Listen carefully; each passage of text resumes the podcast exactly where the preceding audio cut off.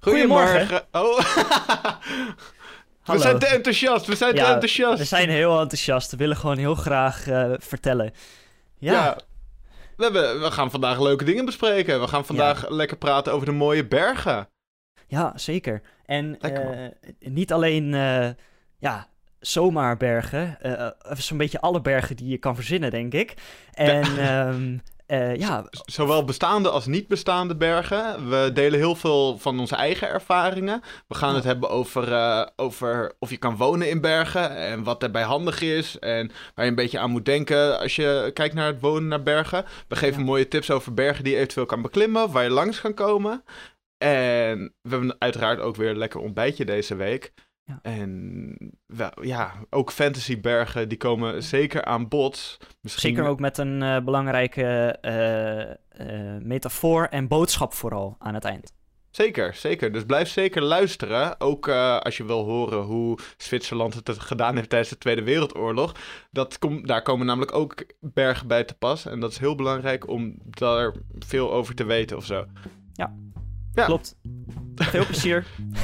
Doei.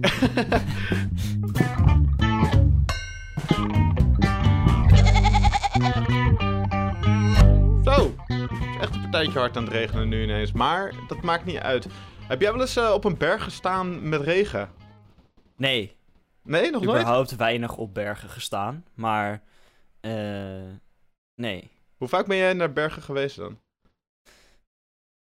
Echt bergen? Ja, naar bergen als in op de berg? Ja, nou, ja, of bergen gezien. Gewoon, wat, wat zijn jouw ervaringen met bergen? Wanneer was, je, wanneer was jouw eerste berg? Laat ik het zo vragen.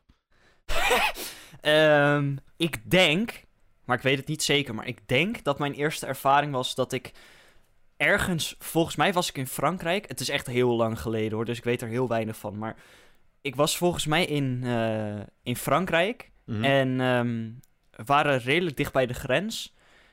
En ik kon ver weg, vanaf een heuvel, kon ik echt belangrijke bergen zien. En ik weet echt niet meer welke bergenrij dat, dat is geweest. Was, Maar ver, ver, ver, ver weg. Het zou zomaar de Pyreneeën kunnen zijn. Dat is helemaal eh, Zuid-Frankrijk. Ja, nee, dat zou zomaar kunnen. Maar ja, nee, ik, ik heb, dat, dat was mijn eerste ervaring. En dat was heel cool. Dat is een beetje het idee dat als je... eh, hoe heet dat? Die bergen in, in eh, rondom Azië. Ik ben zo slecht met eh, geografie. Eh, dat zijn de Himalaya's.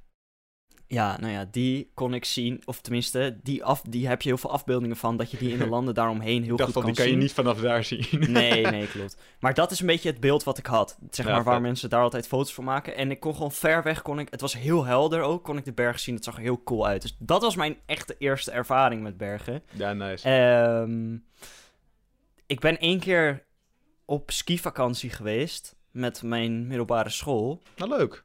Dat was wel heel erg vet. Dat was echt Ja. de eerste keer dat ik in en op de bergen was. En ook mijn enige keer. Ehm, Oh, je bent verder nooit op bergen geweest? Ja, wel op- met de, met de auto er doorheen. Eh, ook in, in Frankrijk, op verschillende plekken. Ja. Ehm, in Italië ook heel kort. Maar dat is er doorheen rijden.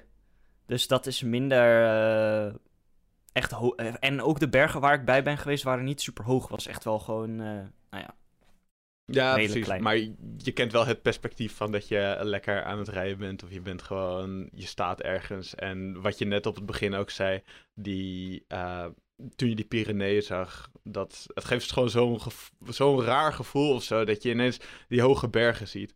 Ik weet nog heel goed Ja. dat ik voor het eerst een beetje hoge bergen, ja... Mijn eerste soort van bergen waren de Ardennen. ik weet niet of dat heel erg... tel- Ja, en de Vaalserberg in Limburg, wat de Ja, hoogste Nederlandse ja, berg is. Maar verder dan dat eh, had ik een hele lange tijd niet heel veel bergen gezien. Totdat ik op een gegeven moment... Nou, we hadden, vroeger hadden we een, eh, hadden we een caravan. En met de caravan is het heel moeilijk om echt door bergachtig gebied te gaan. Dus wij gingen daarmee eigenlijk altijd naar Frankrijk en naar Normandië en zo. Daar heb je niet echt bergen. Dat is best wel relatief vlak. Maar op een gegeven moment gingen we, dachten we... Nou, dat was omdat ik Frans op school kreeg en ik haat de, ik, ik haatte ineens toen de Franse taal, omdat... En ik vond mijn eh, docent heel erg matig en het ging gewoon allemaal niet zo heel erg goed. Dus sindsdien eh, wilde ik niet meer op Frank naar Frankrijk op vakantie. En eh, toen gingen we naar Duitsland toe, gingen we naar het Zwarte Woud toe. En dat was de eerste keer dat ik eh, een beetje langs een bergachtige rand, re- eh, rand reed. En dat ik dacht van, yo, dat zijn echt, dat zijn echt wel lekker hoge bergjes. We hebben daar die hele vakantie hebben we daar gezeten. En dat was, ja, dat was vet chill. Toen begon ik echt van het wandelen en dat soort dingen te houden. En het jaar daarna eh, zijn we van de camper afgestapt. Dus toen hebben we de camper verkocht. En toen zijn we verder, eh, verder naar Oostenrijk gegaan. En dat was de eerste echte ervaring met hoge bergen. En ik kan me nog zo herinneren dat... Op een, of andere manier zie je de grens van Oostenrijk. Zie je, is een soort van dal. Je hebt de hele tijd, wanneer je door Duitsland heen rijdt, heb je de hele tijd heuvels, eh, hele kleine bergjes, dat soort dingen. En dan kom je op een gegeven moment in een dal terecht. En dan zie je in de verte, zie je al die, eh, ben je verder aan het rijden, zie je al die bergen, zie je ineens verschijnen van daarachter. En ik weet nog dat ik daar voor het eerst reed.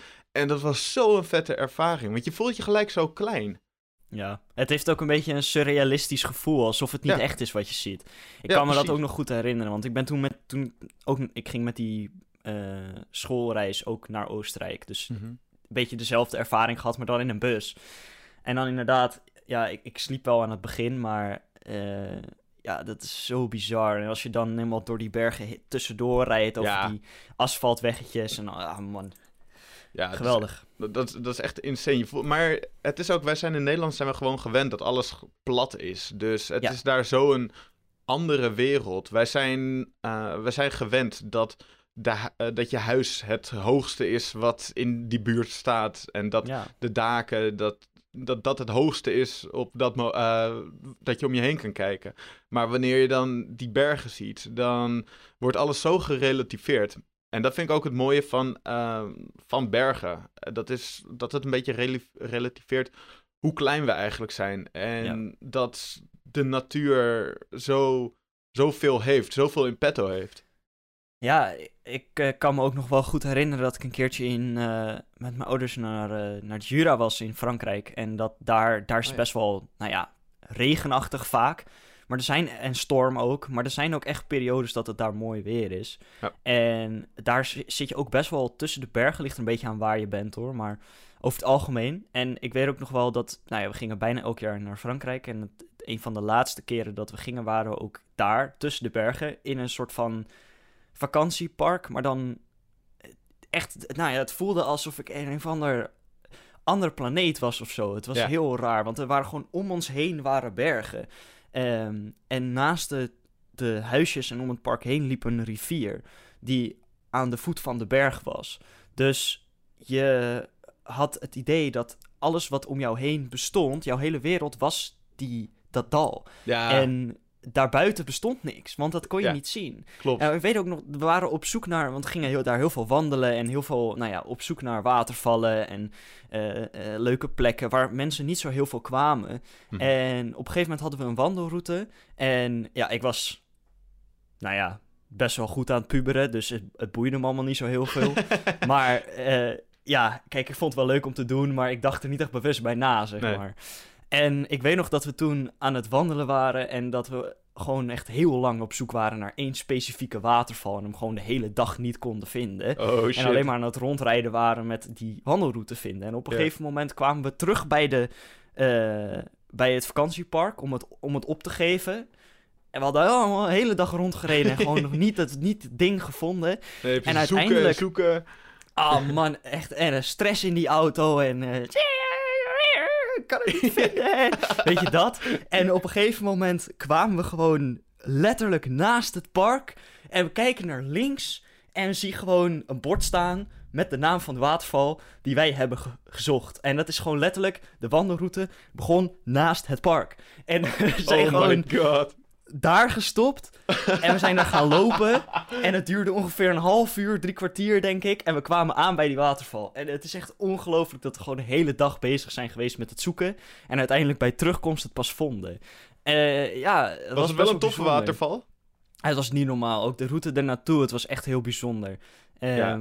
ik heb ergens nog foto's, eh, eh, vast wel ergens van mezelf, dat ik als een, een edgy teenager ergens op een rot sta. Als ik die vind, dan kun, kan ik die wel eh, op de Instagram delen. Top. Ehm, maar eh, ja, het, dat was zo bijzonder. Het was ook volgens mij de grootste waterval die ik heb gezien zelf. En het was hoe, niet hoe heel, groot was die ongeveer? Ja, ik, eh, het is ook een beetje een vage herinnering. Ja, maar snap ik. Ehm, ik, ik gok 40 meter, zoiets. Zo, dat is best wel een flinke waterval. Was best wel groot, ja. En eh, het was ook, je had ook totaal niet door dat het er was totdat je er echt zo wat naast stond, omdat het volledig omringd was door rotsen en bomen. Oké. Ehm, Was de waterval die in één keer naar beneden ging? Ja. Of was ja, het een, gewoon in één keer rats. Dat is 40 meter is echt heel veel. Ja, het is, in mijn brein is het 40 meter. Ik weet niet of het ook daadwerkelijk zo Ja. was, maar zo, zo voelt het. Ja, precies. Ehm, maar ja, nee, het, het was echt heel mooi. En ik denk dat dat ook wel een beetje mijn favoriete ding is van bergen. Dat je denkt dat je het kan zien, omdat het zo hoog is. Ja. En dat je denkt dat je weet wat er is Ja. op het oppervlakte van de berg. Maar je hebt totaal geen idee. Want er kan echt op random plekken kunnen er gewoon... Nou ja, zoals dit, een waterval zijn. En dan, je weet het gewoon niet. Want het is omringd door andere dingen. Ja, ik had dat ook inderdaad met, met ook een waterval. Volgens mij was dit in Noorwegen, maar bind me het niet op vast. Ik weet het niet zeker. Ehm, waren we, wisten we ook dat er ergens een hele hoge waterval was. En gingen we naar die waterval toe. En was lopen, moesten we eh, eh, langs allemaal geulen, langs allemaal bergriggels en zo. Het was heel ver lopen. We moesten ook over, over het water heen met van die, eh, met van die houten bruggen. En, dat, en toen Oh. en gingen mijn vader en ik gingen natuurlijk heen en weer schommelen. En mijn moeder en mijn zus vonden dat niet leuk. Ja, en eh, dus lopen, lopen en op een gegeven moment helemaal kapot. Eh, we hadden twee uur gelopen.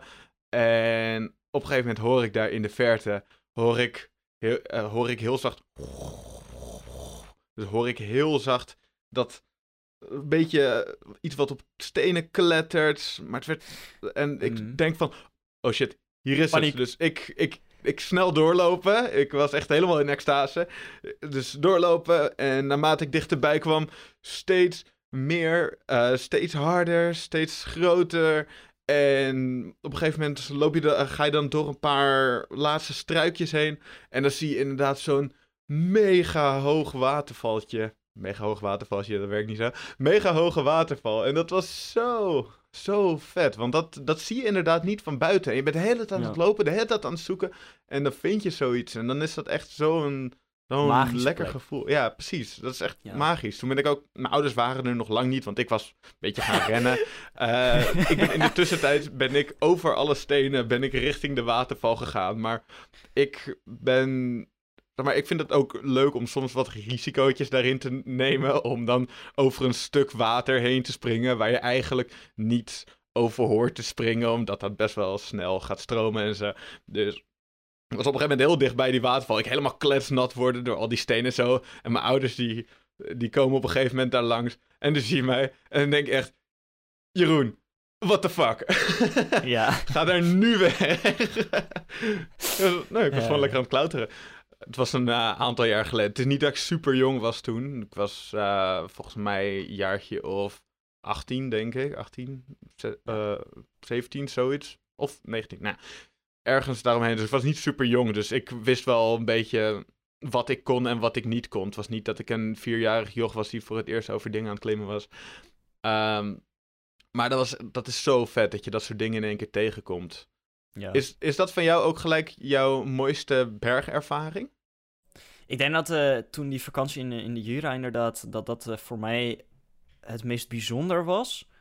Omdat ik daar gewoon heel veel onverwachte dingen tegenkwam.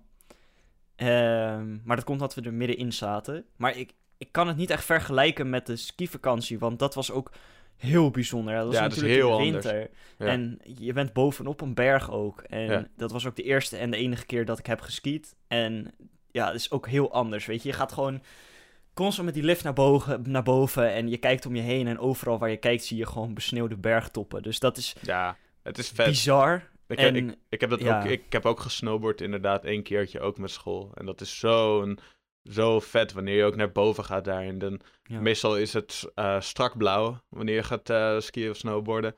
En Ja. dan kijk je om je heen en dan zie je, dan zie je overal witte sneeuw. En dan zie je aan de overkant zie je een andere berg die ook mokerhoog is. En waar Ja. ook allemaal sneeuw op ligt. Ja, het is echt het is ook weer magisch.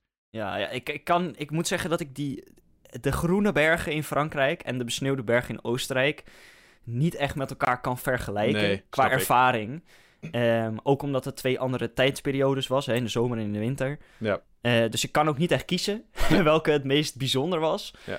Ehm, maar ja, laat ik erop houden dat, dat het als, als Hollander zijnde, dat je gewoon zover je kan kijken de wereld plat is, dat het Ja. heel bijzonder is. Ja, het is heel, het is, beide is het heel bijzonder. Nou, ik moest ook heel erg nadenken toen ik mezelf de vraag ging stellen wat ik de mooiste berg, of de mooiste bergtocht die ik ooit gedaan heb, wat het was. Want ik, ik vind het fijn om elk jaar de berg in te gaan. Ja, ik wil dat gewoon. Ik wil gewoon elk jaar, ik moet het bijna, gewoon elk jaar de bergen in. Want voor mij is het, wat jij zegt, het eh, komen op een andere planeet en dat gevoel hebben en ook het gevoel hebben van vrijheid wanneer je een berg oploopt.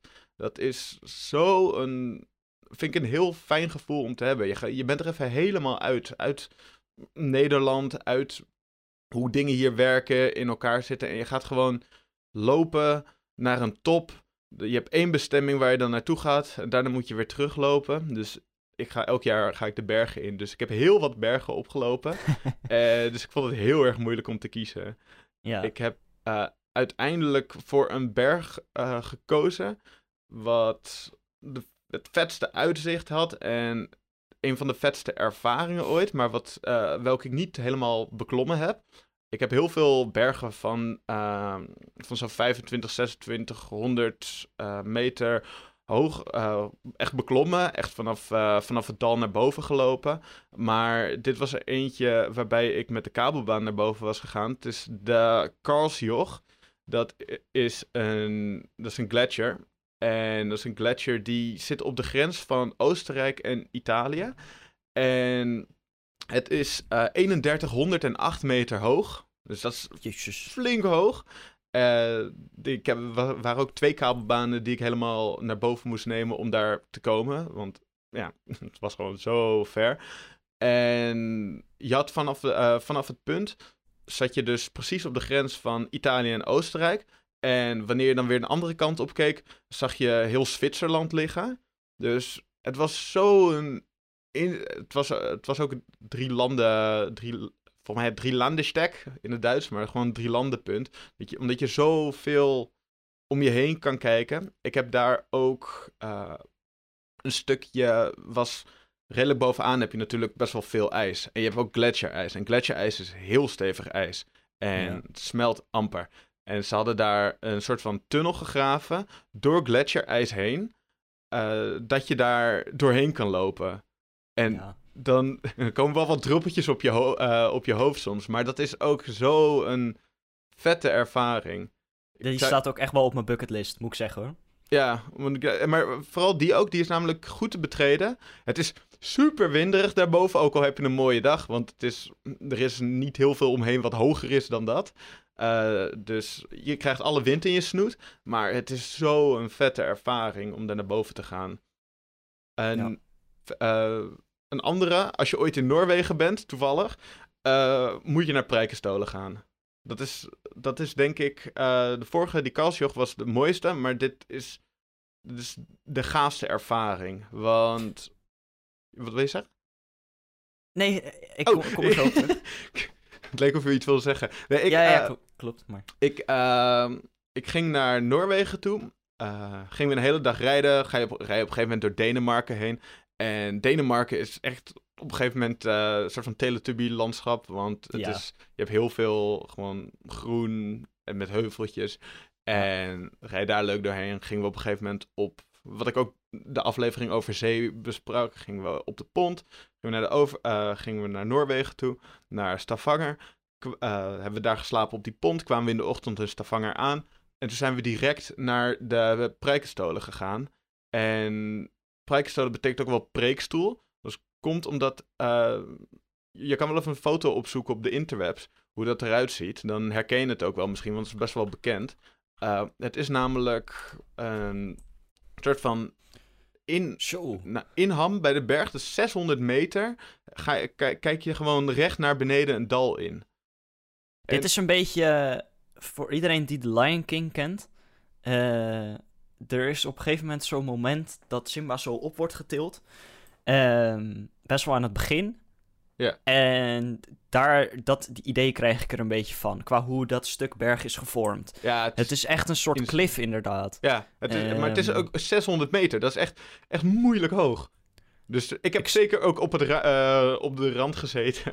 waarbij je 600 meter eh, naar beneden kan kijken. Waar je, eh, waar je voetjes bungelen. Dat was een eh, heftige ervaring. Maar het, is, het was zo vet om van, eh, van een nacht in die boot dan door te brengen. Naar eh, dan in één keer door te rijden naar zo'n plek. We stonden beneden. Moet je, een heel stuk moet je omhoog klimmen. En het is een heel lang wandelgebied. En je komt wel steeds hoger, maar je hebt de hele tijd niet echt mooie uitzichten of zo daarbij. Op een gegeven moment kom je wel dat je tussen rotsen kan kijken en je ziet wel iets moois. Uh, maar op een gegeven moment kom je dan bij die prijkenstolen aan. En vooral omdat je nog niet heel veel gezien hebt die vakantie, is dat zo overweldigend en zo mooi. En dat was wel een vette ervaring. Ja, kan ik me heel goed voorstellen. Het ziet er ontzettend mooi uit. En eh, als het op foto's er al mooi uitziet, kan ik me niet eens voorstellen hoe het er in het echt uitziet. Ja, het is, Ehm, het is insane. hey, ik heb een vraag voor jou. Ja. Ehm, zou jij een, eh, een, een soort van rang, ranglijst, soort tierlist willen maken van de een top 3 of een top 5 of zo? Niet in, per se in een specifieke volgorde. Van plekken, per specifiek bergen, waar jij bent geweest, waarvan je vindt Hm. dat andere mensen, zoals ik of wie dan ook, ook een keertje in hun leven heen moeten gaan. Dan Ja. kunnen we eh, ja, aan onze luisteraar ja, een manier geven van... hé, hey, hier moet je heen en dit is eh, echt aan te raden. Ja. Ik heb er twee al genoemd. Dat is eh Ja. Karlsjoch en Prijkenstolen. Eh, een andere waar je het naartoe moet... Oh, daar moet ik even heel goed over nadenken hoor. Ehm, want ik ben op heel veel bergen geweest. Ja, je kan ook het... We kunnen het ook gewoon op de Instagram gooien. Ja, maar ik wil, ik wil nog heel veel verder denken. Wat, ook een leuke wat ik ook aan zou raden om naartoe te gaan, is Innsbruck in Oostenrijk. Dat is een stadje. En dat zit ook weer in de, berg, eh, zit in de bergketen. En daar heb je ook, eh, daar heb je ook super hoge bergen van 2500 meter, 2400 meter daaromheen. En daar kan je lekker opgaan. En dan, dat geeft je een heel heerlijk perspectief wanneer je door die stad loopt met die hoge bergen daaromheen. Ik weet niet, het geeft een heel fijn perspectief of zo. En al helemaal wanneer je die, eh, die bergen opgaat en dan het stadje zo klein ziet worden. Ik, ik weet niet, het geeft een...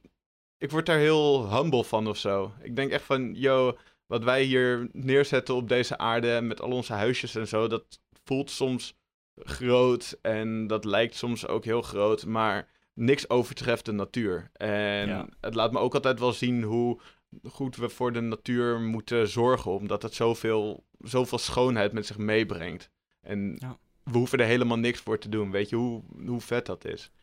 Ehm, Dus Innsbruck zou ik, eh, zou ik ook een keertje naartoe gaan. Ehm, ik zit te denken aan de laatste bergvakantie. Nou, er zijn zoveel bergen die je op kan gaan. Het is, het is niet normaal, joh. Het is... Ja, eentje die ik aan zou raden waar ik zelf nog nooit naartoe ben geweest. maar waarvan ik plaatjes heb gezien, maar ik, eh, ik wilde er heel graag naartoe. Eh, dat was in, eh, in Noorwegen. Heb je iets onder het stadje Vossenvangen.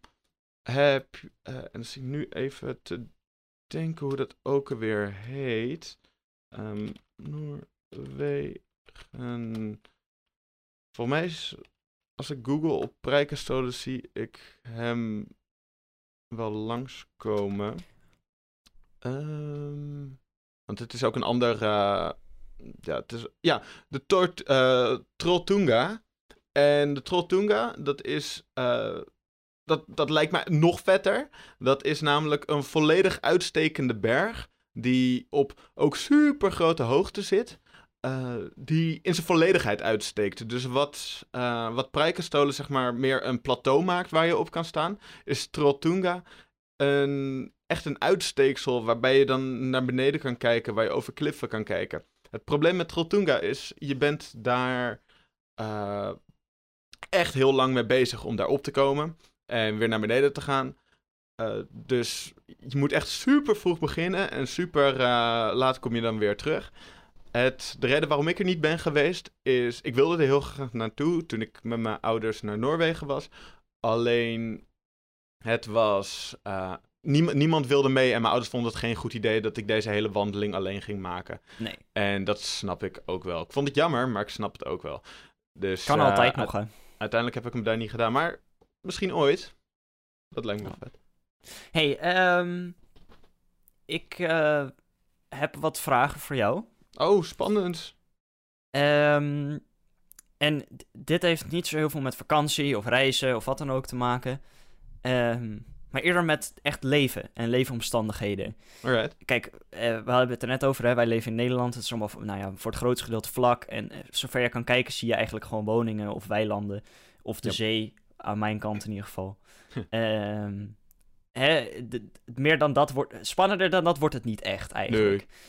Ehm, maar dat heeft wel een reden. Eh, in Nederland is het, is het wel heel erg vlak, maar over het algemeen gaan mensen, ja, leven ze toch richting of een rivier of de zee, ehm, in ieder geval in een dal, op land waar het makkelijk is om eh, voedsel te, ja, te, te bouwen of eh, te verbouwen, eten, of dat nou graan is of, wat dan ook. In ieder geval landbouw. Of dieren te, te verzorgen en te houden. Eh, Ja. Want hè, van origine was dat de, de, de manier om te overleven en om een vestiging te maken. Maar, nou is het zo dat er ja, redelijk wat mensen, niet zo heel veel, maar inmiddels wel wat meer, in de bergen gaan wonen. En dan bedoel ik niet aan de voet van een berg of wat dan ook, of in een dal of zo. Dat is niet echt, dat gebeurt wel, dat gebeurt al heel lang. Maar juist op de berg of in de berg, ehm, ja, dat, dat gebeurt heel weinig. Maar mijn vraag aan jou is, zou jij op een berg willen wonen? Ehm, willen wonen? Nee. Eh, reden daarvan is omdat ik het. Omdat je zit zo afgezonderd. Je moet Ja. dan eh, heel ver naar boven rijden om bij je huis te komen. Je kan niet lekker makkelijk boodschappen doen of iets dergelijks. Eh, Ja. Het vakantiehuisje, ja, zeker wel. Ehm, gewoon dat ik daar soms naartoe kan om, eh, om gewoon lekker weg te zijn van alles. Dan moet het echt de eh, dan, maar dan is de functie ervan ook dat ik, eh, dat ik die stilte heb en dat ik juist kan genieten van de omgeving. Dat vind ik heerlijk als ik op vakantie ben in Oostenrijk. Dat ik gewoon, dan vind ik het ook chill om aan een bergrand te zitten of iets dergelijks. Want dan kan ik gewoon om me heen kijken en dan kan ik daar gewoon van genieten. Alleen ik denk, en dat is ook heerlijk voor eh, als vakantiehuisje of iets dergelijks. Maar om daar echt te wonen zou het toch wel net iets te afgezonderd zijn voor mij. Snap ik. Nee, daar eh, sluit ik me wel bij aan. Maar de, de reden dat ik het vraag is, wat ik net al een beetje zei. ehm, van origine al, als mens is het voor ons het makkelijkst geweest om niet in een berg te wonen. Want Nee. het is gewoon moeilijk om daar te overleven. Ja, Ehm, wat ook wel logisch is natuurlijk. Maar ja, tijd gaat vooruit. Eh, er komen meer manieren om dingen te transporteren en om het makkelijker te maken om dingen op te slaan. Dus het, nu wordt het redelijk rendabel om in de bergen te wonen. Ehm, en mensen gaan dat dus ook doen. Je merkt niet alleen in, in landen zoals in Scandinavië eh, of eh, nou ja, eh, Frankrijk, Italië, waar daadwerkelijk bergen zijn. Ja. Maar ook gewoon mensen die vanuit een vlak land, zoals eh, Nederland of waar dan ook, Ja. specifiek naar andere landen gaan om in de bergen te gaan wonen.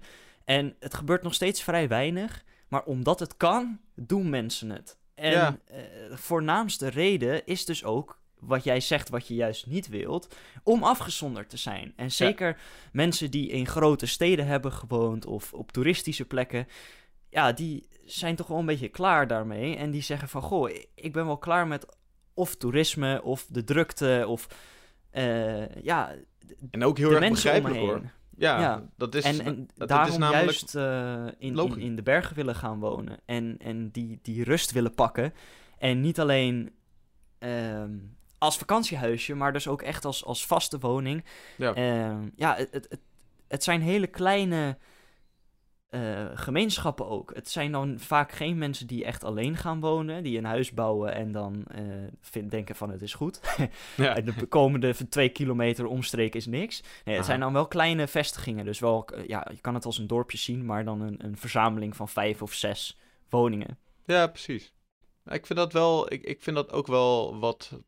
het, is nu, het is nu makkelijker dan ooit. Want nu hebben we gewoon eh, goede vervoersmiddelen, waarbij je gewoon makkelijk die berg op en af kan. Infrastructuur is daarbij ook goed, wat ook gewoon een heel groot probleem is wanneer je eh, een 100, 200 jaar geleden op een berg zou willen wonen. Je komt er gewoon niet echt. En nu kan er een weg naar gelegd worden of kan je gewoon een eh, soort van klein paadje zelf aanleggen om daar naartoe te gaan. Niet dat dat altijd de bedoeling is, want je zit nog steeds op een bergrand. Maar, eh, maar het is nu makkelijker dan ooit om er te komen. Dus je bent minder afgezonderd dan je ooit geweest zou zijn.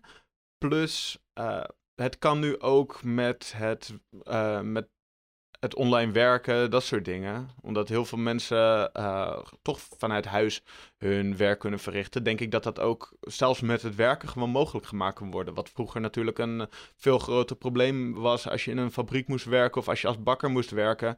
Kon je dat een stuk min, eh, kon je je leven niet echt onderhouden op die manier. Ja, ja, je ziet ook inderdaad mensen die, wat jij zegt, inderdaad het online werken. we- Toch wel mensen die niet binnen een stad of een dorp, of in ieder geval een, een vaste vestiging, om het zo maar even te zeggen, eh, leven. Dat die daar inderdaad ook gebruik van maken. Het online werken of het op afstand werken. Of het nou telefonisch of via een laptop of via een telefoon of wat dan ook is. Ja. Ook mensen die in een, in een, eh, in een omgebouwd busje rondrijden, die, die doen het op die manier. Ehm, Ja, leuk hoor. ja, inderdaad. En uiteindelijk, hè, ik, ik neem aan, eh, dat is ook wel in ieder geval wat ik kan vinden, dat de meeste mensen die op een berg gaan wonen of in de bergen ehm, ook veel zelf doen. Dus eh, mogelijk maken om voedsel te verbouwen, dieren te houden. eh, weet je, Ja, allemaal op die manier kastje, een beetje... Zorgen dat je wat geitjes in de tuin hebt waar je melk van kan halen. Zeg maar iets. Ja, ja, dat ze op die manier echt hun eigen. eh, zichzelf verantwoordelijk maken. Of, of nou ja, verantwoordelijk voor zichzelf, maar ook niet afhankelijk van eh, een supermarkt of een vaste baan of dat soort dingen. En Ja. Ja. dat zie je toch wel veel meer terug. Dat mensen een beetje klaar zijn met die hele drukte van het, standaard leven. Ja, en begrijpelijk, want je komt daar, als je op zo'n locatie woont en vooral als je ook een mooi uitzicht erbij hebt en je hebt bijvoorbeeld met zo'n gemeenschap heb je een aantal andere mensen eh, wonen die ook lekker van die rust houden, kan je soms wel een babbeltje mee doen, dus ehm, je zou dan ook niet zo heel snel aan eenzaamheid of iets dergelijks lijden, want iedereen heeft toch wel een beetje eh, communicatie en contact nodig, dus dat doe je dan met die, eh, met die buurtgenootjes. Ehm, maar je komt heel dicht bij jezelf wanneer je, wanneer je op zo'n plek zit. Want wij zijn inderdaad gewoon gewend dat alles altijd om ons heen gebeurt. En dat er altijd een auto door de straat rijdt. Dat er altijd mensen langs het huis lopen. En dat je altijd heel makkelijk overal naartoe ga, eh, toe kan. Supersnel internet altijd hebt. Dus wij zijn daar gewend aan. En het zorgt er ook. Maar ik, geloof ook wel dat het eh, wel wat verstoring geeft in in je brein, omdat je zoveel, zoveel verschillende prikkels de hele tijd krijgt. En vanuit zoveel verschillende kanten wordt je leven beïnvloed. En wanneer je op, je op een berg zit en met je kleine gemeenschap en je bent een beetje zelfvoorzienend en zo, dan kom je heel dicht richting de menselijke aard. Ja, en één laatste vraag. Ehm, denk jij dat, de, dat we in de toekomst als mens, dat daar het, het bouwen in de bergen een rendabel iets is om eh, overpopulatie en, en de oppervlakte die we nu bezitten als mens eh, beter te kunnen verdelen? Goeie vraag. Ehm, ik denk hmm, of het rendabel is. Ja, ja Kan nou, in elke vorm van het woord, hè? Dat, eh, zeg is maar, voor het, eigen interpretatie. het, het ding met overpopulatie is dat het, in, eh, dat het op bepaalde plekken gebeurt. Het is niet alsof de overpopulatie op dit moment heel erg eh, een probleem is in Europa. Hm. Het is met name dat dat in Afrikaanse landen en Aziatische landen heel erg speelt. Uh, en daarbij kan dat natuurlijk werken, maar die, bij Azië en vooral China en India hebben ze, is een heel erg een werk in de stadcultuurtje. En daar heb je ook wel inderdaad dat er buiten de stad veel gebeurt en heel veel mensen wonen natuurlijk. Maar, en er wonen ook zeker mensen op bergen. Um, maar ik denk dat er dan heel erg gekeken moet worden naar een manier hoe je hoe je, je maatschappij inricht. Om het rendabel te krijgen. Ik denk met de maatschappij zoals het nu in elkaar zit, dat dat uh, minder mogelijk is. Maar op het moment dat je een, uh, een switch zou maken als maatschappij, dat je mensen minder afhankelijk maakt van een stad, dat het dan zeker kan. Dat mensen die die rust willen, uh, dat die dat ook goed kunnen gebruiken. Op dit moment dus nog niet rendabel, maar zeker mogelijkheden in de toekomst. Nee, je verwoordt eigenlijk precies wat mijn punt is. Uh, dat is ook de situatie nu. maar je ziet wel dat er ve kleine vestigingen in de bergen, in onder andere China, ja. um, nou ja, steeds groter worden. En dat een vestiging met vijf of zes huizen, waar ik het eerder over had, dorpen beginnen te worden. En dat men toch wel die kant optrekt om de stad te ontsnappen, maar ook uh, om die drukte, die, die, want wat wij kennen als drukte in bijvoorbeeld een, een Amsterdam of een Rotterdam of een Den Haag. Dat is niks. Uh, dat is niks in vergelijking met wat het in, in sommige Aziatische landen is. Ja. Uh, of in Amerika voor daarentegen zelfs. Ehm, en je merkt toch dat steeds meer mensen daar klaar mee zijn en trekken naar de bergen. En dat er echt ook vestigingen beginnen te vormen die groter worden. En toch ook wel bijna de grootte van een, zoals wij in Nederland een dorp noemen, dat dat begint te komen. En um, ja, uiteindelijk, hè, de, de, reden waarom ik, om even terug te komen op de vraag die ik stelde, waarom ik vroeg of het rendabel is um, om in de bergen steden of dorpen te maken He, we hebben het de, debat, eindeloos debat waarschijnlijk, over dat de natuur uh, de ruimte moet krijgen. Ja. Niet alleen voor de natuur, maar ook voor het klimaat. En daardoor ook direct voor ons. Ja.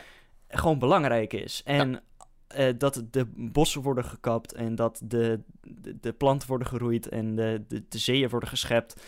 Weet je, dat dat gebeurt, dat is natuurlijk heel erg en heeft een heel erg effect op de natuur. Maar dat was ook een beetje de, de origine van mijn vraag en de reden van mijn vraag.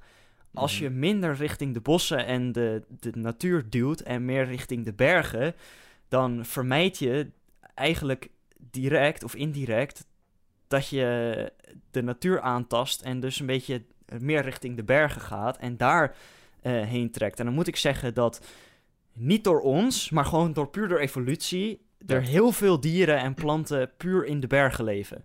Heel veel, verrassend veel. Uh, kleine zoogdieren, vogels, insecten, specifieke planten, bomen. Uh, mm. hè, om, om ook even de bomen van vorige week een knipoog te geven. Yeah. Um, maar dat, dat ge gebeurt heel. Daar, zijn, daar is heel veel leven. Heel veel leven in de bergen. En uh, dat is dus ook een beetje het dilemma waar ik mee zit. Als wij meer richting de bergen trekken, zou dat er dan voor zorgen dat wij minder aan de rest van de natuur zitten? Dat denk ik niet, maar misschien voor een klein deel.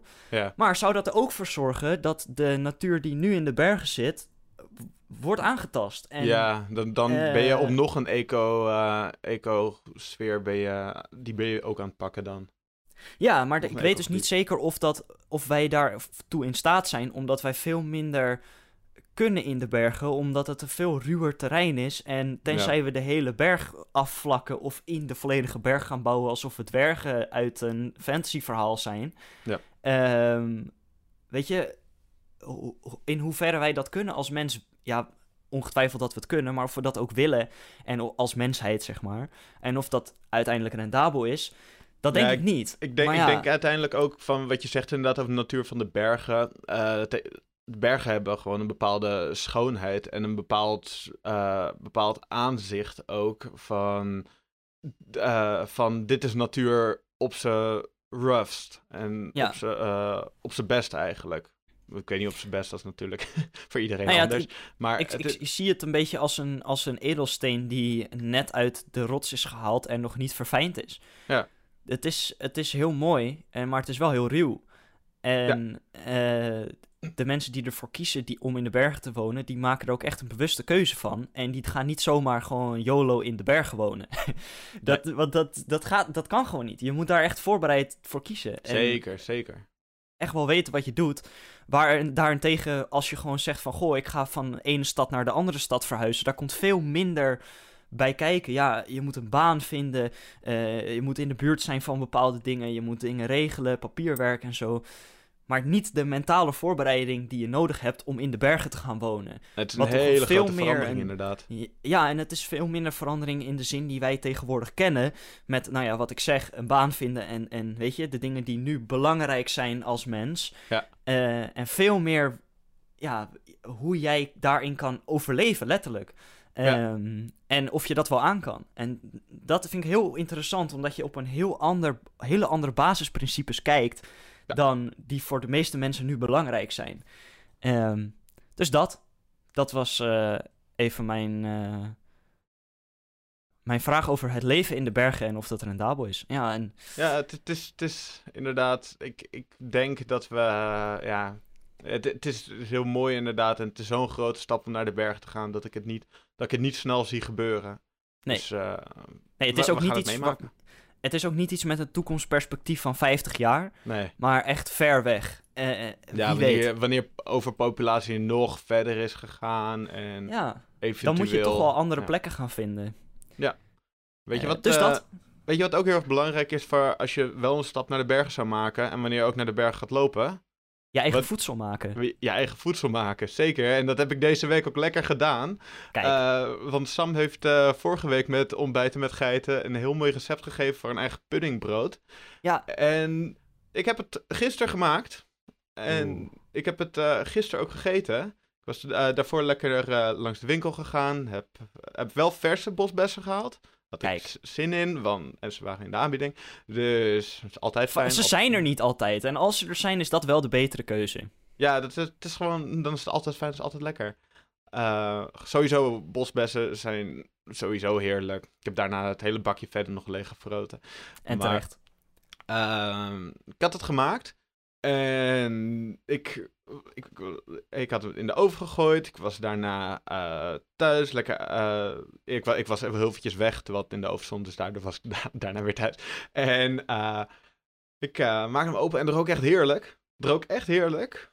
En ik heb het gegeten en ik vind het lekker. Maar ik vind het niet super lekker. Ik, Oké. Ik, vind, ik, vind, ik, ik, vind, ik vind het heerlijk. Ehm, ik, ben er, ik ben er alleen niet echt fan van.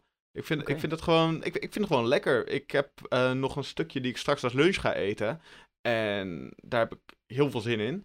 Ehm, en, dat, en het is echt goed vullend. Het is wanneer je. Ik heb het inderdaad voor vier personen gemaakt. Ik heb een, eh, ik heb een, ge- eh, een kwart gegeven. Mijn vader heeft een kwart gegeten. Het is, en het is heel goed vullend. Je voelt ook daarna. Je voelt gewoon dat het gezond is eraan. Alleen, ik vond hem qua smaak. Vond ik het een beetje vlak. Ik, Dat kan. dus dat. Dus dat. Maar Je zou eh, ook een, eh, een beetje citroen er doorheen kunnen doen om het wat meer eh, een, een kick te geven. Oh ja, citroen. Of een beetje, eh, misschien wat honing er eh, een beetje Honing bij. zou kunnen. Ja, ik heb expres ervoor gekozen bij het recept om er geen toegevoegde suikers of dat soort dingen bij te doen. Ja, want het is ook weer Eh, zonde. Het is lekker ja. gezond.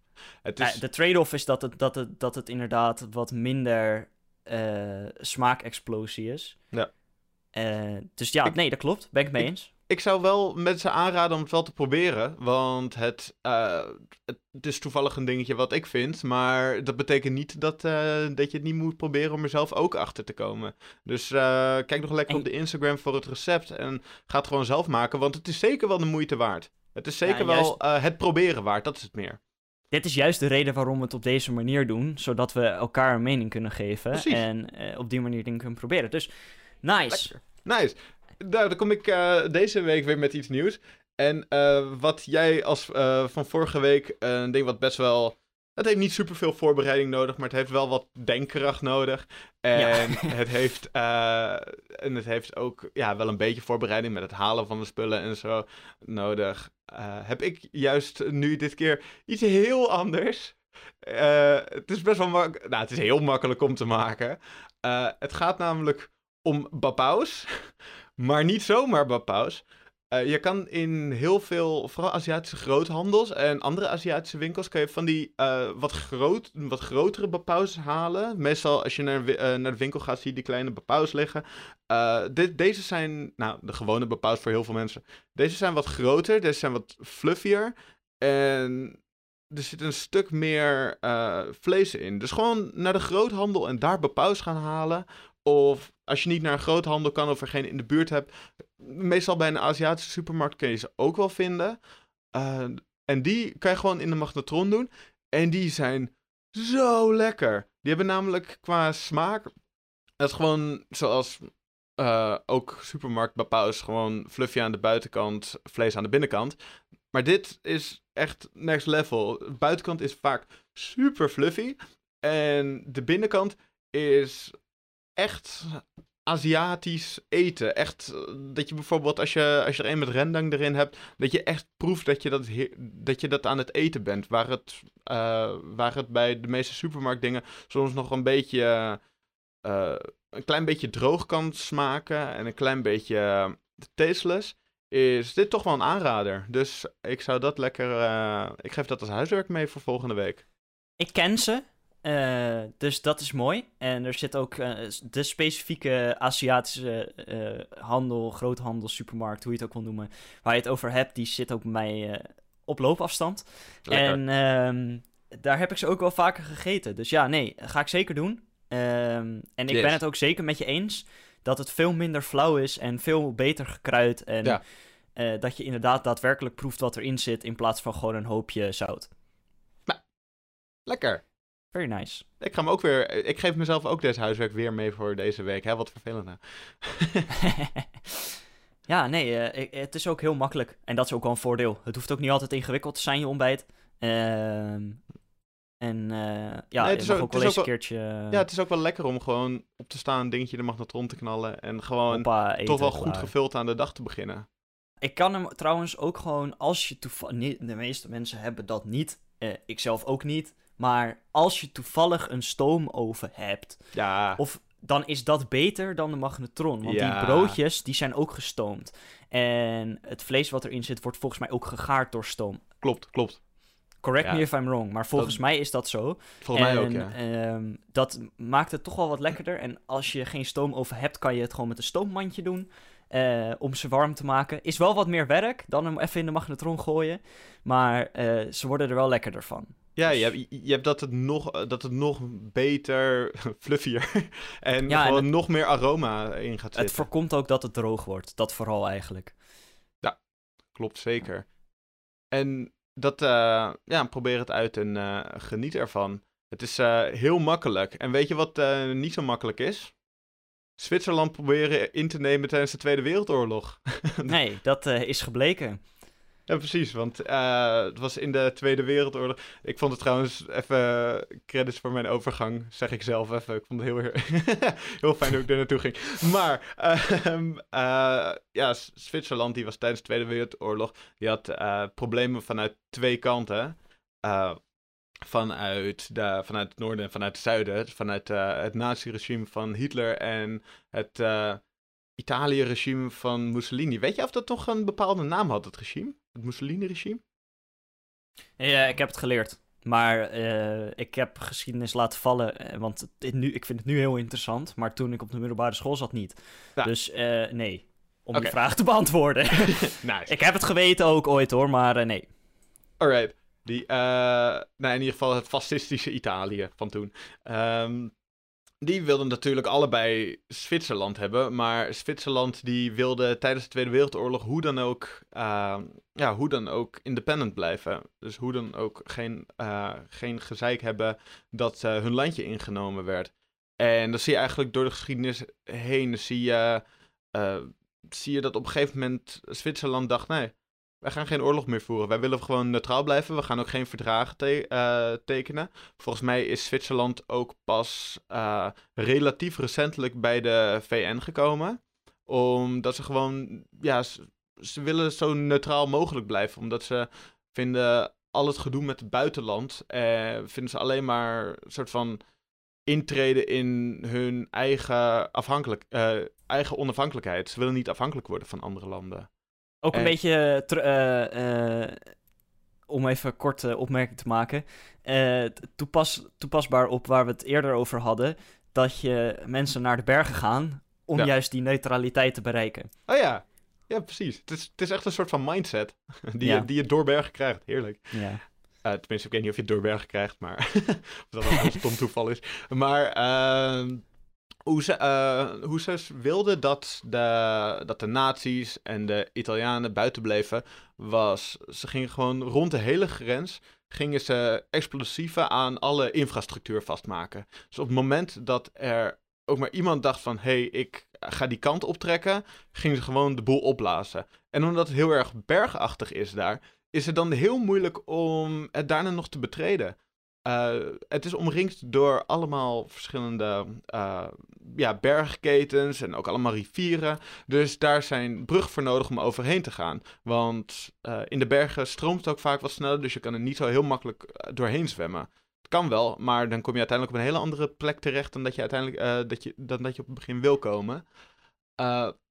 Het is super interessant hoe zij dus, hoe zij dus overal explosieven aangemaakt hebben.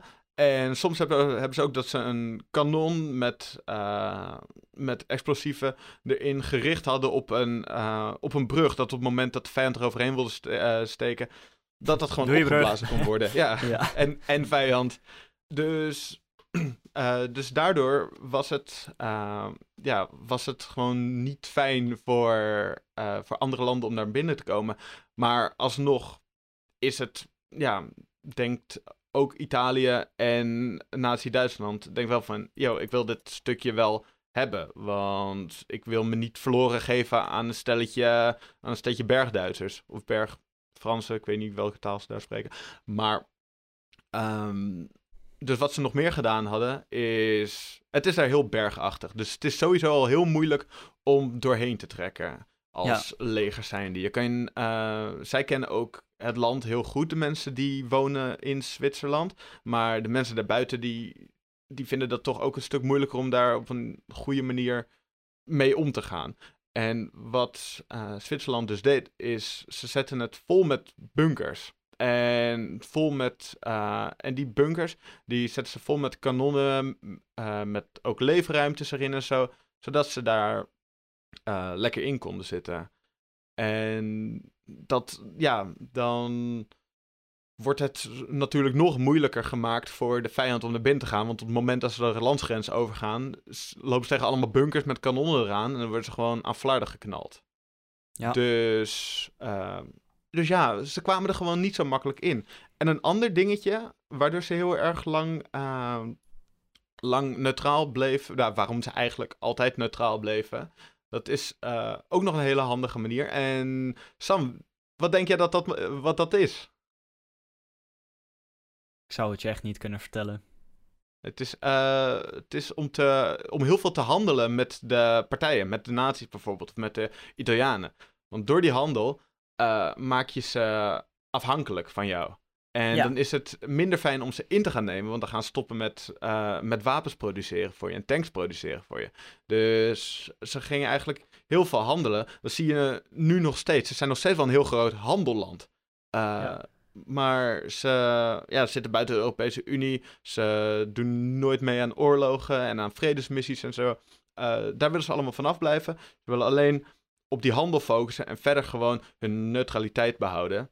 En ja, ik werd daar wel gelukkig van toen ik daarvan van hoorde. Ik vind het wel een hele mooie manier van hoe daarmee om te gaan. En zij kunnen dat ook door die bergen Ja. en door, dat, eh, door de infrastructuur. Ben je ooit Nee, in Zwitserland geweest? Ja, Nee. er doorheen, maar niet, niet er echt lang of zo. Ja, precies. Dan zie je wel hoe, hoe goed zij zijn in infrastructuur en hoe goed zij zijn in eh, het maken van tunnels en het rijden langs de bergen en zo. En eh, ja, hoe ze dat ook in hun voordeel konden gebruiken tijdens zo'n oorlog. Nee, ik moet ook zeggen dat het in de term neutraal, tegenwoordig heeft het een beetje zijn mening, of zijn mening, zijn betekenis verloren. Ja. Ehm, hè, dat het een beetje een leegte is, of, of juist een beetje weinig betekent eigenlijk. Eh, behalve Ja, het dat voelt je alsof je, geen, echt- za- de- alsof je geen zak doet.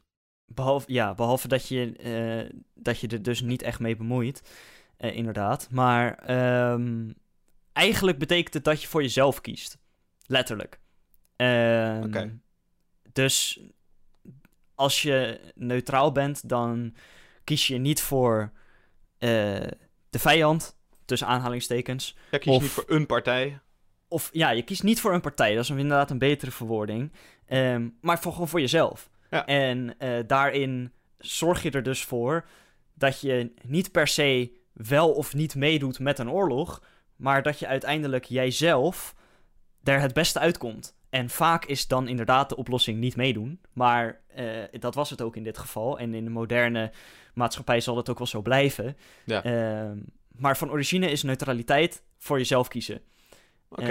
Eh, en was niet, een- niet individualistisch, maar, hè, want als land kan je dat niet echt zijn. Maar ehm, ja, wat je zegt, er gewoon voor zorgen dat jij niet de verliezen, potentiële verliezen leidt door mee te doen aan een oorlog, welke kant je Ja, dan ook kiest. Of, of dat je inderdaad een, eh, ziet dat een partij op dat moment winnend is en dat je daar dan wel in meegaat. Eh, dat je denkt dat dat eh, wel misschien beter voor, kan zijn op dat moment voor je land. Maar dat je gewoon echt wel je eigen, je eigen pad wilt bewandelen daarin. Juist. En dat je op die manier kiest voor jezelf. Want uiteindelijk ben jij degene die in, ook gewoon op persoonlijk niveau en op landelijk niveau van jij bent uiteindelijk eh, degene die ervoor zorgt hoe de toekomst in elkaar gaat zitten. Eh, jij kan uiteindelijk als enige ervoor zorgen dat je, dat je iets doet. En als je daar echt voor kiest en als je daar echt voor staat, dan kan je je daar ook op blijven focussen. In plaats van allemaal randzaken van anderen of dat je mee wordt genomen door dingen van anderen. Zo blijf je heel erg bij jezelf. En dat is dan waarschijnlijk die neutraliteit.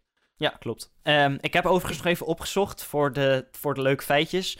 Ehm, in eerste instantie waren Mussolini van Italië eh, was het echt totaal niet eens met eh, hoe Hitler dingen aanpakte.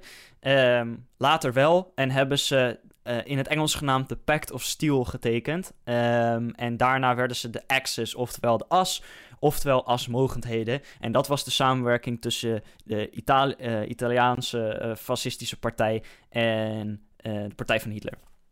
Oké, Om het even eh, duidelijk en om het makkelijk rond te maken. maken. Het hele verhaaltje even rond te maken. Heerlijk. Eh, dus ja, nee, het bergen maak je neutraal. Is de essentie van het verhaal.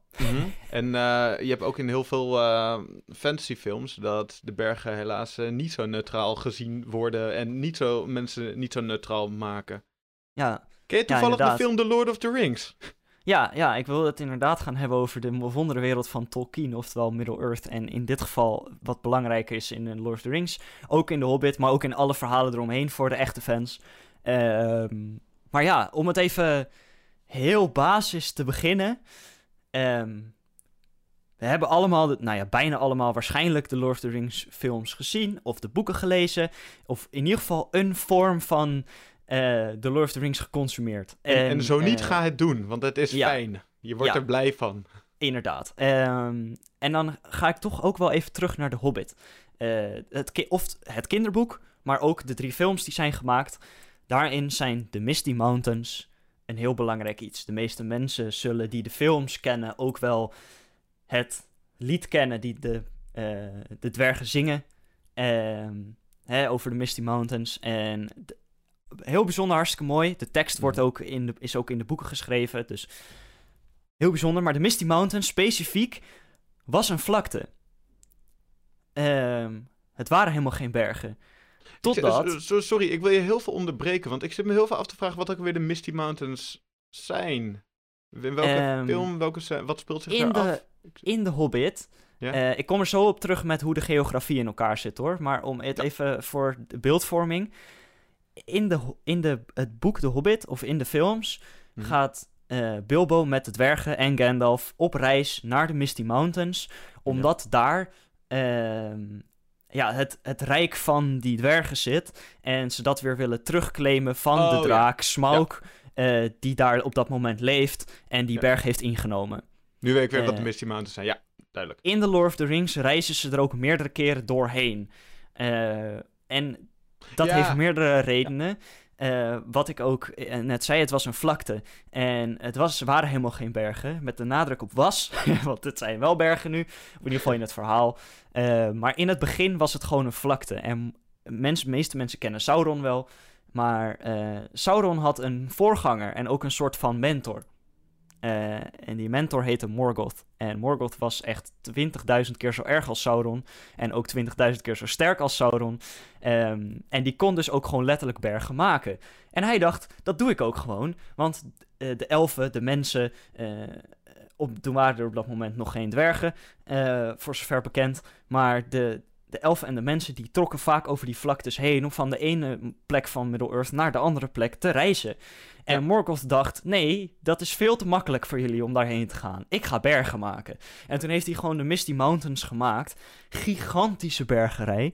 Ja. eh, zodat het moeilijker werd voor de mensen en voor de elfen om er doorheen te reizen.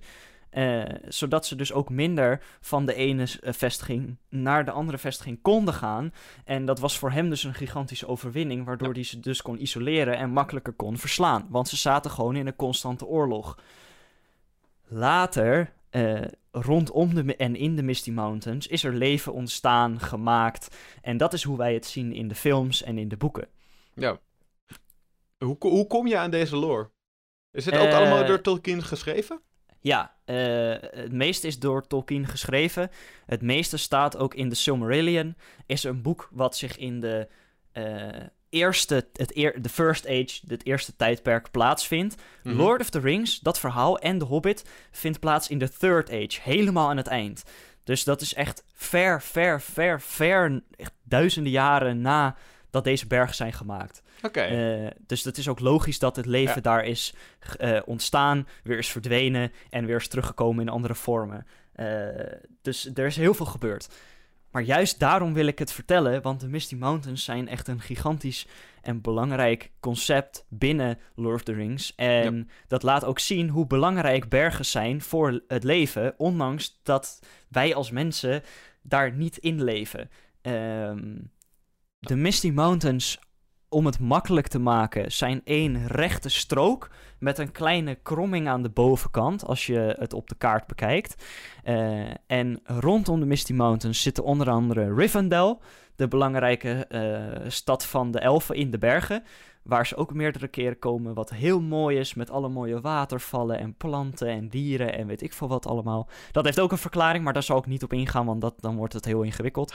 Ehm, eh, maar ook steden, zoals, eh, nou ja, de, de Goblinstad die onder de Misty Mountains zit, die ook Ja. heel belangrijk is in eh The Hobbit, in het verhaal, waar ze per ongeluk terechtkomen en dan de Goblin King moeten verslaan. eh, en moeten ontsnappen, waar zo'n beetje het halve verhaal over gaat.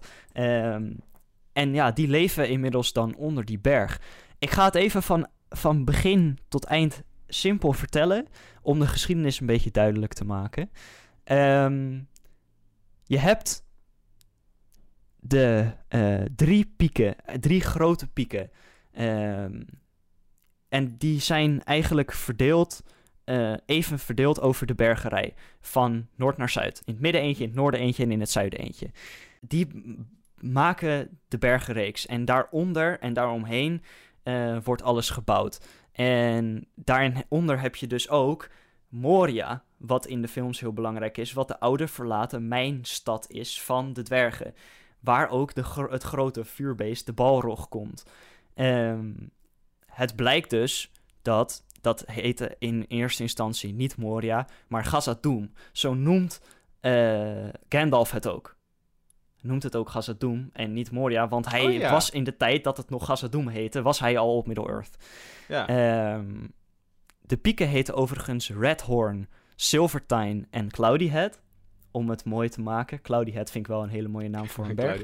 Nice. Ehm, uiteindelijk eh, is al het leven daar dus omheen gebouwd, waaronder Riverdale, ehm Carandum, eh, waar de Witch King of Angmar, de, de heksenkoning, zo'n beetje de, de grootste vijand eh, van The Lord of the Rings en eh The Hobbit, ja, die, die hebben daar geleefd. Ehm, dat noemen ze ook wel dan op dat moment de Mountains of Angmar, omdat het volledig bezet is door de, door de raids, de, de, de, de negen, negen raids die ooit koningen waren. En corrupted zijn door de Rings of Power, waar de komende serie, dit is geen reclame, maar de komende serie die uit eh, gaat komen, eh, gaat daarover. Heet toch ook eh, Lord of the Rings Ring of Power? Ja, Of- Rings of ja. Power, inderdaad. Ja. Nice. Isengard, wat we ook kennen van de tweede Mhm. boek en de tweede film, zit ook rondom deze Misty Mountains. Dus eigenlijk wat mensen zich niet echt beseffen is dat bijna het volledige verhaal zich om deze bergen afspeelt. Maar omdat er zoveel eh, namen naar je toe worden gegooid en plekken, eh, besef je dat niet echt. Ja, je ziet ook eh, als je die map inderdaad. Ik, ik heb nu een beetje in mijn hoofd die map voor me. Zie je ook inderdaad die. ehm, zie je ook dat ze van, vanuit, vanuit waar Bilbo en zo woont. in Lord of the Rings, als ze naar Mordor, Mordor toe gaan, zie je ook dat die hele grote bergketen daartussen ligt. En dat ze daar best wel een tijdje ook in, in spenderen, in die bergketen. Eh, klopt.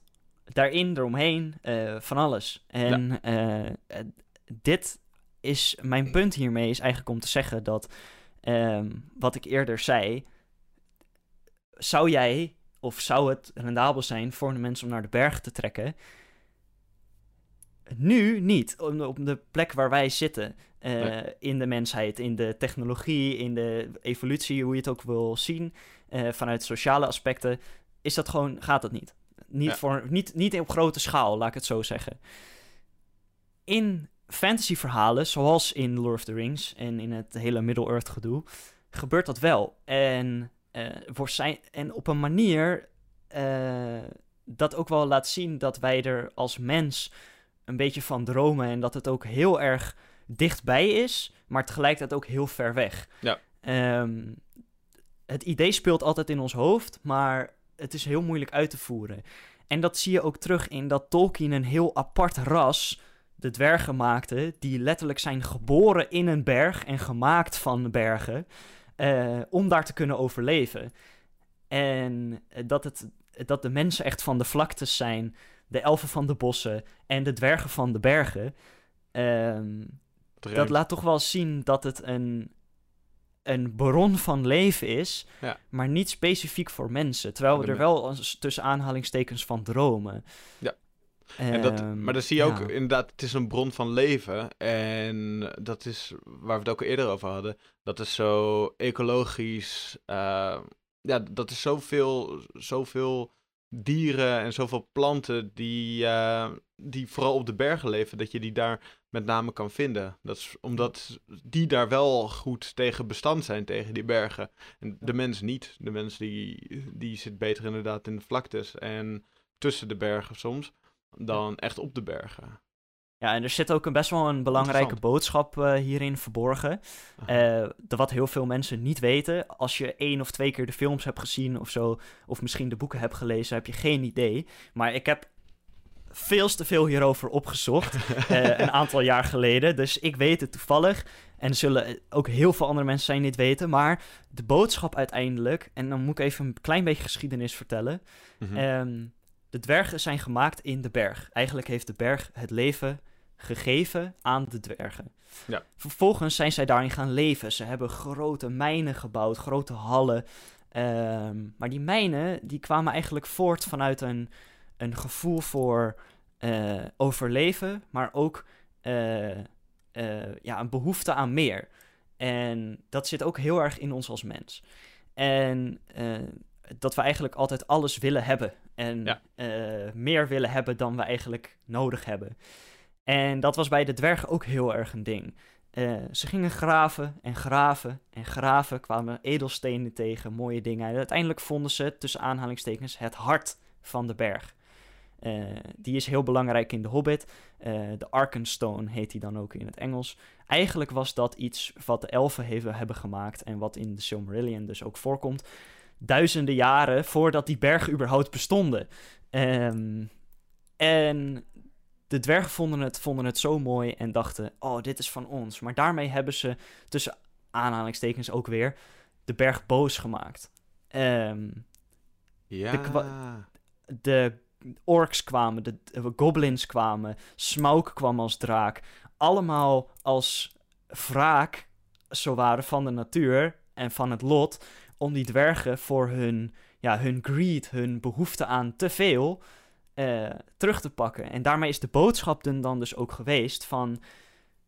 Je kan, in dit geval de bergen, je kan dat gebruiken en je kan daarin leven. En eh, ja, het moeten symbiotische relaties zijn. Ja. Elke, zowel de berg als de, de organismen die daarop leven, moeten geven en nemen. Ja. Eh, en daar moet een balans in zitten. En wij als mens zijn niet zo heel goed in die balans. Eh, wij trekken het altijd meer naar onszelf. En eh, dat gebeurde dus ook bij de dwergen. En dat heeft dus ook voor hun bijna uitroeiing gezorgd. Waarom er dus ook in de Lord of the Rings bijna geen dwergen meer leven. En waarom al die bergen en al die mijnen en al die plekken verlaten zijn. Want ze kunnen daar niet meer leven, want er leven te veel. Te, leeft gewoon te veel narigheid. Duizend jaar voordat de, de partij van de Lord of the Rings aankomt bij Moria, bij de grote mijnen. Eh, duizend jaar daarvoor hebben de dwergen de balrog per ongeluk wakker gemaakt met hun gegraaf. En daardoor zijn ze allemaal weggedreven eh, door het grote vuurbeest, wat al, ook al duizenden jaren oud was. Maar daarmee werd eigenlijk gewoon als boodschap gezegd: je bent te ver gegaan. En ja, ja je behoefte voor meer is, heeft je eigenlijk gewoon je leven en je leefplaats gekost. Ja, dan maak je uiteindelijk maakt dat kapot. Dan gaat de natuur eh, neemt wraak op jou. Ja, en het- dat is ook eigenlijk mijn punt. En niet zozeer dat het op deze manier ook zal gaan. maar ehm, wij kunnen als mensen naar de bergen toetrekken en daar eh, dorpen maken, steden maken. In de bergen bedoel ik dan, nee, niet in de dallen wat we al hebben. Eh, dalen moet ik zeggen. Ehm, maar de balans moet blijven. En, Ja, precies. Je moet, je moet niet, eh, zoals mensen al ja, eh, sinds, eh, sinds eeuwen geleden, gewoon overal ja, parasitisme uitvoert op zijn omgeving. Ja. Moet, eh, het moet, moet een samenspel. Maar ik denk inderdaad Ja. dat dat, dat is en voor bergen belangrijk, maar ook voor, ja, voor de rest van de leefgebieden. Ook voor, een, voor het woud of zo. Daarom Ja. zijn eh, van die stammen die nog steeds in, in bossen en in wouden leven, die gaan echt samen met de natuur. En dat is de, dat is de manier hoe ze, eh, hoe ze dat kunnen overleven. Want op, eh, en die gaan ervoor zorgen dat ze hun eigen dingen kunnen groeien. Want uiteindelijk komen wij ook gewoon voort uit dezelfde natuur. En Ja. ja, we moeten zorgen dat dat altijd wel een beetje in balans blijft. En niet dat we uit de berg eh, het hart gaan halen, zodat, zodat het uiteindelijk tegen ons gaat keren. Juist, ja, en dat, dat is inderdaad ook precies mijn punt. Dit is een metafoor die op verschillende vlakken terugkomt in de verhalen van Tolkien. Eh, eigenlijk gewoon constant.